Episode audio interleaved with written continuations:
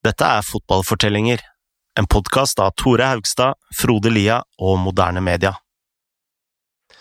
I 1994 ønsker Fabio Capello å kopiere Arrigo Sacchi ved å vinne Champions League to ganger på rad.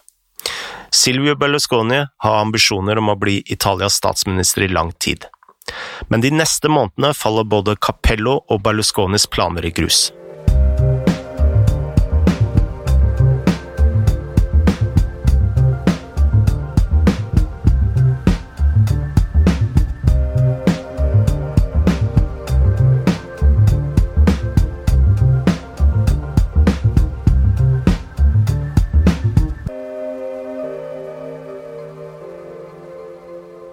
Selv uten eh, van Basten klarte altså Milan å vinne Champions League og Serie A. Når en vinner to slike titler, så er det jo vanlig å beholde de fleste spillerne. Men de gjorde ikke Milan i dette tilfellet. Nei, det er jo det her uh, 'never change the winning team', som de sier i England. Men uh, det var jo ikke sånn at Milan maskineriet fungerte på optimalt vis. Um, de hadde jo så vidt skåret mål uh, sesongen før. Mm. Van Basten var fortsatt skada, og ingen visste helt når han kom tilbake, eller om han kom tilbake. Papær ble solgt til Bayern München fordi Milan trodde han var ja, litt over middagshøyden. Han hadde kun spilt 18 ligakamper sesongen før. Gullit kom tilbake, og man trodde, skulle tro at han liksom ville komme inn igjen i varmen. Uh, sesongen før hadde han skåret 15 ligamål for, for Sampdoria, ført laget til tredjeplass i Serie A og til tittelen i den italienske cupen. Men han kom på kant igjen med Capello omtrent så fort han var tilbake på San Siro. Så Milan sendte han til Sampdoria i en permanent overgang, i bytte mot spissen Alessandro Melli.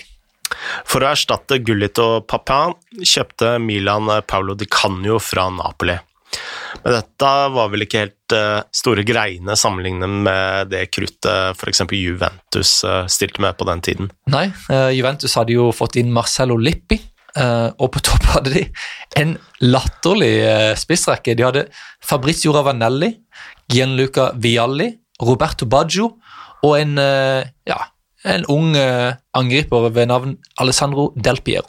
Det er vel uh, listen over de uh, største italienske spisslegendene, i hvert fall fra den epoken. Ja, på samme lag i, i samme sesong. Det, det, det var en latterlig, en latterlig gjeng.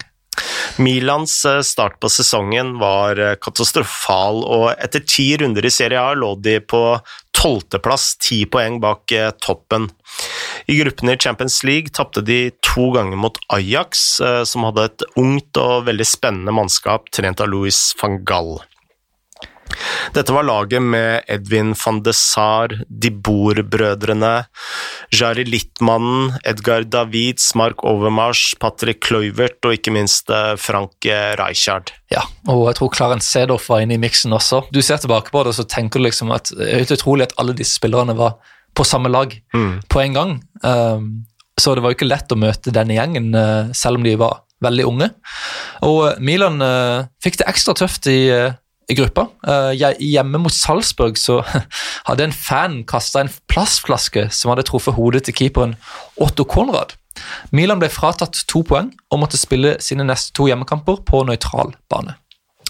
I eh, siste kamp i gruppen måtte Milan slå Salzburg borte for å nå kvartfinalen. Og der eh, halte Capello i land en eh, typisk 1-0-seier ved å bruke 5-4-1-formasjonen mot slutten av kampen. Men det var tydelig at det var noe veldig galt med Milan. Ja, dette var jo et lag som var vant til å cruise gjennom gruppespillet, og i desember skulle de tilbake til Tokyo for å spille interkontinentalcupen, denne gangen mot argentinske Vélez Sarsfield. Da Milan tapte den kampen 2-0, så begynte liksom folk å virkelig kritisere Capello. Eh, Begeret var fullt. Eh, kvalitetene som han hadde blitt rost for før, som liksom det å holde spillerne på tå hev og være mm. pragmatisk og liksom være litt sånn proff og distansert, eh, virka plutselig nå som negative. Capello fremsto rett og slett bare som iskald, iskald og, og, brutal, og hadde liksom ikke den varmen som skulle til for å få spilleren til å utnytte, eller å spille på sitt beste. Det er ingen tvil om at eh, savnet av van Basten var eh, stort, og selv eh, Capello klarte ikke å få et lag til å slippe inn 14 ligamål to år på rad. Men en annen faktor her var VM. For sommeren 1994 hadde syv Milan-spillere representert Italia i USA. Blant annet backrekken med Baresi, Maldini, Costa Corta og ikke minst Tassotti. Ja, og det er jo normalt at spillere er slitne etter VM. Det er noe man ser nesten hvert år. Men akkurat dette mesterskapet hadde vært ekstra krevende for italienerne. For det første så spilte de under Saki, og vi vet, vi vet alle hvor, hvor, krevende det var for spillerne. For det andre så gikk kampene i ekstrem hete. Og for det tredje nådde Italia finalen, hvor de spilte 120 blytunge minutter mot Brasil. Og i, i tillegg tapte på straffer, så de fikk heller ikke denne mentale boosten av å liksom mm. komme tilbake til Italia som verdensmestere. Så om noen av disse spillerne trengte en pause, så var jo det helt forståelig. og Man kan liksom tenke seg at man er i USA i, i fire uker, eller hva enn det er, og så kommer man rett tilbake til Capello, som i praksis var som å gå inn i militæret. Eh, så eh, ja, det var jo forståelig at, at Milan sleit litt. Sent i 1994 skjedde det også noe med Berlusconi. Regjeringen hans eh, kollapsa pga. uenigheter mellom partiene, og han mista makta. Og eh, det var jo eh, altså, Syv måneder senere så hadde de jo liksom alt sett rosenrødt ut for både Capello og Berlusconi. Nå var plutselig Milan i en av sine verste perioder på ja. mange mange år, og, Berlusconi hadde liksom fått eh, drømmen sin om å bli statsminister da, knust Eller han blitt statsminister, men ja, syv måneder tror jeg det varte, og så var han ute igjen. Heldigvis for begge to, nær sagt, spilte Milan bedre etter tapet mot Veles. Spissen Marco Simone begynte å finne formen, og Milan gikk elleve kamper uten tap. Likevel kom de kun på fjerdeplass i Serie A, 13 poeng bak Juventus, og det er vel langt fra akseptabelt eh, som en klubb eh, som Milan eh, på den tiden. Ja, altså når du tenker på de standardene de hadde satt før det, så, så var det nesten et sjokk. Altså, var, de hadde aldri kommet så langt bak. Og Vi har jo nevnt noen av faktorene som sto bak denne skuffelsen, men det fantes flere. La oss høre fra Gabrielle Marcotti. Capello wanted to win the Champions League again. He wanted to repeat, right? That was that was a really big uh, deal to them, and um, you know they were pretty dominant in in, in, in the Champions League. I think they um, I think I'm right in saying they they didn't they didn't concede a single goal in the, in the knockout phase. They beat Paris Saint Germain home and away. In the league, you know, they, they obviously won it three years in a row. So um, and they ran into a Juve side that that season with Marcello Lippi and, and sort of uh, um, the, the Vialli, Ravanelli, Del Piero front line, they were just firing on on all cylinders. Again, it was another season where they thought Van could be fit, and then said I don't think he played at all that year. I think all these things, you know, sort of came together. Um, I think they had issues up front where where Marco Simone was for much of the season really the only fit striker that that they had, and you know Simone is a good player, but with all due respect, he's he's still Marco Simone, right? Um, so I think all those things really really came together and uh, and impacted how they performed. They, they, they had a they had a bunch of issues. They had a bunch of injuries. I think De Soto was getting older, and you know he'd had a bit of a bust up where he started playing Panucci instead of him, um, and uh, and and yeah, I mean they they sort of said, right, we're going to go for the uh, we're going to go for the Champions League instead. Selv om Milan ikke vant eh, Serie A, fortsatte de å få resultater i Champions League. De slo ut eh, Benfica i kvarten og Paris Saint-Germain i semifinalen. Dermed var det duket for et eh, nytt møte med Ajax, og denne gangen i Wien.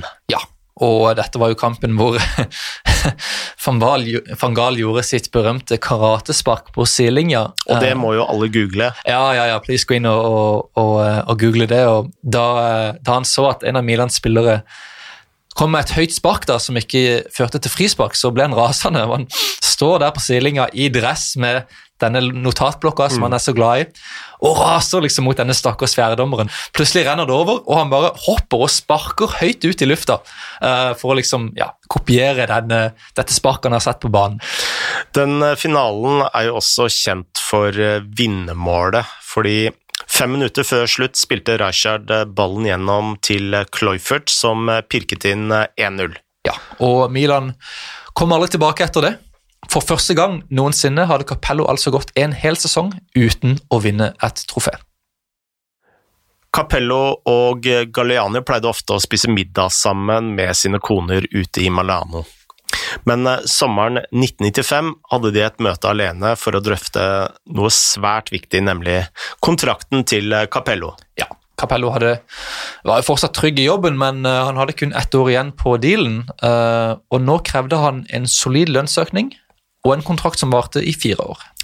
Dette kunne jo virke litt uh, sleipt, siden Milan ikke hadde vunnet noe året før. Men så hadde jo Capello fikset tre ligatitler på fire år og nådd Champions League-finalen i tre av tre sesonger. Og det er vel mer enn god nok grunn til en eh, liten eh, lønnsforhøyelse. Ja, det, den eneste, eneste gangen han ikke hadde nådd finalen, var jo når de var utestengt, og det var jo på mange måter Galianis feil sjøl. Mm. Uh, så Galiani han var enig i dette, han syntes det var det var fair nok, men uh, samtidig så var han redd for å binde seg opp til en trener i så mange år, spesielt nå som det liksom var en fare for at Milan skulle alder kanskje nærme seg slutten. Så Galliani foreslo en klausul som sa at Milan kunne kansellere kontrakten hver sommer om Capello ikke hadde vunnet Serie A eller Champions League. Spørsmålet her er jo om Galliani egentlig visste hva han gjorde. Eh, om dette var på en måte for å presse eh, Capello ut, eller om eh, han bare så på det som en ren, god, god deal. Du kan jo si Hvis han virkelig var desperat etter å beholde han, så hadde han jo kanskje gitt han de fire årene. Mm. Eller kanskje prøvd å forhandle ned til tre. Uansett så virker det som en både feig og kan vi kalle det sleip deal fra Gallianis eh, side? Ja, ja.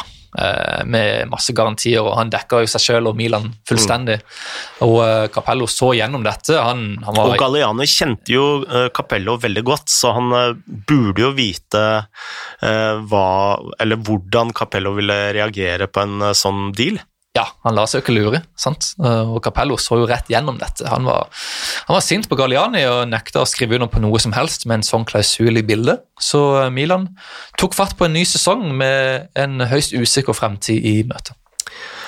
Om ikke annet eh, henta i hvert fall Milan en del nye spillere den sommeren, og det hadde du gjort på en ganske god stund. De solgte Massaro, men de fikk inn eh, George Vea fra PSG, som eh, senere også ble gullballen-vinner, pluss eh, Thomas Locatelli, Paolo Futtere og Roberto Baggio. Alle disse var enten spisser, vinger eller playmakere. Og her lukter det vel Berlusconi lang vei. Uten tvil. Her skulle Milan stappe laget med magi og kreativitet, og de hadde jo i tillegg eh, De jo òg Savicevic i stallen. Så eh, Berlusconi ga jo Capello et problem. da, Hvordan skulle han bruke alle disse spillerne? og Berlusconis forslag var da å bruke Baggio og Savicevic bak Vea, men eh, ja, det, det, var ikke lett å holde alle disse spillerne fornøyde. Van Basten var fortsatt ikke tilbake fra sitt eh, skademareritt, og han eh, hadde ennå ikke spilt fotball siden Champions League-finalen mot Marseille to år tidligere. Og 17. august 1995 holdt Milan en pressekonferanse hvor van Basten sa at han la opp.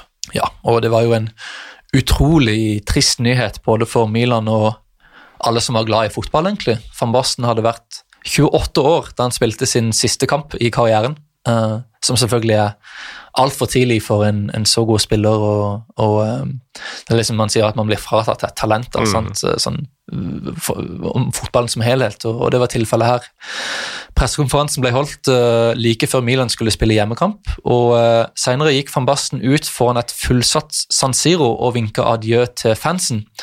De svarte med høylytt jubel og stående applaus, og på benken så satt Capello, jernmannen Capello og gråt. Siden Milan hadde kommet på fjerdeplass sesongen før, var de kun eh, kvalifisert til Uefa-cupen.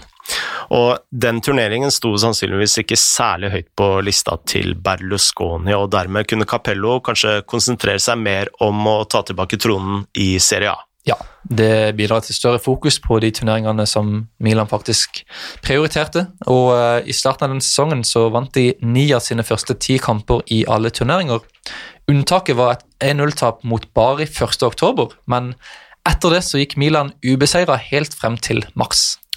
Igjen slapp de knapt inn mål, og vi må jo nesten gjenta at eh, backrekken fortsatt var Tassotti, Baresi, Costa Corta og eh, Maldini.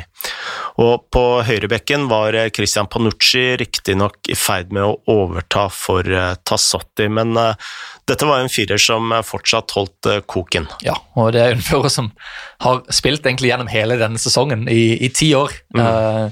Det er en grunn til at han nevnes som, som en av tidenes beste. samtidig hadde også Capello funnet en fin ordning på topp. Uh, Vea jobba steinhardt helt fremme og gjorde liksom opp for den kanskje litt sånn nonsjalante holdninga til noen av playmakerne like bak. Um, Capello fant også et system hvor han roterte mye mellom disse angriperne, og uh, han fikk det til å fungere på en, en veldig fin måte. Men akkurat idet Milan cruiset mot ligatittelen, fikk Capello en ny distraksjon. I januar ble han kontaktet av Real Madrids president Lorenzo Sanz. Samme mann tok kontakt med Capello også i mars, og denne gangen lagt det ut eh, i pressen at Capello kanskje skulle til Madrid. Ja, og tilfellet gjelder ikke, vet ikke, men samme måned da så begynte Milan å tape. Først gikk de på sin første smell siden oktober i derby mot Inter. I kvartfinalen i Uefa-cupen tapte de 3-0 mot Bordeaux, selv om de leda 2-0 fra første kamp. Dette var for øvrig et lag som skulle nå finalen, eh, med spillere som Bixente Lisrasu, Christophe Dugari og Zinedine Zidane. Men likevel da, så var det jo ikke normalt for Milan å gi fra seg en 2-0-ledelse. Nei, og dette tapet fikk, eh, fikk, det til å boble over oss, eh, noen av supporterne. Før neste kamp hjemme mot eh, Parma ble faktisk Milans buss steina. Ja, og selv om Milan vant den kampen 3-0, så ble spillerne bua av banen. Og Berlusconi var jo helt fra seg. sant? Han, det var jo så viktig å, å liksom ha fansen på sin side og, og gi liksom glede til folket gjennom fotballen. Um, men så er det jo også litt rart. altså Milan leder ligaen med seks poeng på dette tidspunktet. Så hva var det egentlig fansen var så misfornøyde med? La oss høre mer fra Marcotti. I think there was an annoyance, though, towards the club and a little bit towards Galliani and Berlusconi and the people at the top. Um, you know, they they famously they, there was a year that they signed Roberto Baggio after he'd he'd kind of been cast aside by Juve, um, and because he um, because of Piero's emergence and I don't think it's a secret. Capello didn't didn't appreciate that, and I think in some ways Baggio became kind of a symbol of is there really a plan here? If you remember, they also signed Paolo Futre, which surprised some people, and he had to readjust the whole team again. Um, I think it was also the year George Weah arrived, and obviously Weah, Weah was a hit, but it became very much more of a counter-attacking side. Um, I think some people saw a bit of a, a bit of uh, a bit of a betrayal of some some Milan values, and you know, Milan did win um, the league that year, but you know they weren't a particularly entertaining team to watch. Milan vant Serie A det året, som Marcotti sa. La oss høre fra Sheridan Bird om hvordan Capello, til tross for all misnøyen på San Siro, klarte å dra i land en fjerde ligatittel på fem år. I think the key to that final title was just pure grim determination. The fact that that defense was aging doesn't mean it was terrible, don't get me wrong. I just think there's an argument to be said that they decided to really try and um, lock the door and really make themselves hard to beat. They were probably not massively entertaining to watch in 96. Um, other teams around them perhaps weren't particularly good. Juventus, you could say, had an eye on the Champions League '96, and they and they and they won it in '96. There was still quality there, but that very much felt like the final flourish of that group of players. Uh, they didn't really have enough to dominate in Europe anymore. Juventus had taken taken hold of that baton for Serie A in Europe, but you know they, they still had enough quality there. Everyone was singing from the same hymn sheet on the pitch, but not long after, Capello, knowing that the tide was turning, himself went to Real Madrid 96 97. So I think everyone knew that this is the end of an era they'd really got as much life out of possible out of some of those players. They really had done brilliantly, and Maldini was still a young man. But this really was the last uh, the last stretch for that particular side. Noen måneder før Milan sikret tittelen, hadde Berlusconi gått på en ny smell innen politikken. Ja, i april hadde det vært valg i Italia. Berlusconi hadde tapt knepent, selv om Milan var på stø kurs mot ligatittelen Selvfølgelig var dette en enorm skuffelse for Berlusconi, men uh, ifølge John Foot så skulle han få noe positivt ut av nederlaget. For Berlusconi, it was all about alliances. So, in the Italian political system, you needed to have a coalition to win. And in the first election in 94, it was quite a fragile coalition. And it didn't really stand up once he got into power. And he wasn't very experienced at that point. In '96, the, the coalition fell apart. So he had a you had a split right and your united left. So the left won, and he understood at that point that he had to have all the bits of the of the right, the centre right, on board, and he built a very solid alliance with, in particular, a group called the Lega. And he he did, he kind of you know he said you we're going to lose. So he he was a political operator, and and and that was one of the key reasons that he kept winning after that was that he kept the coalition together and uh, and therefore he maximised his chances. So although it's true that football wise, that was a very successful moment for him, and he was very very um, pissed off that he didn't get you know um, back in in '96. Um, he um, he understood what the lessons, the political lessons of that. So he became, from somebody who didn't really understand about politics in terms of hardcore alliance building, he became good at that as well. Uten Capello skulle Milan slite tungt de neste årene.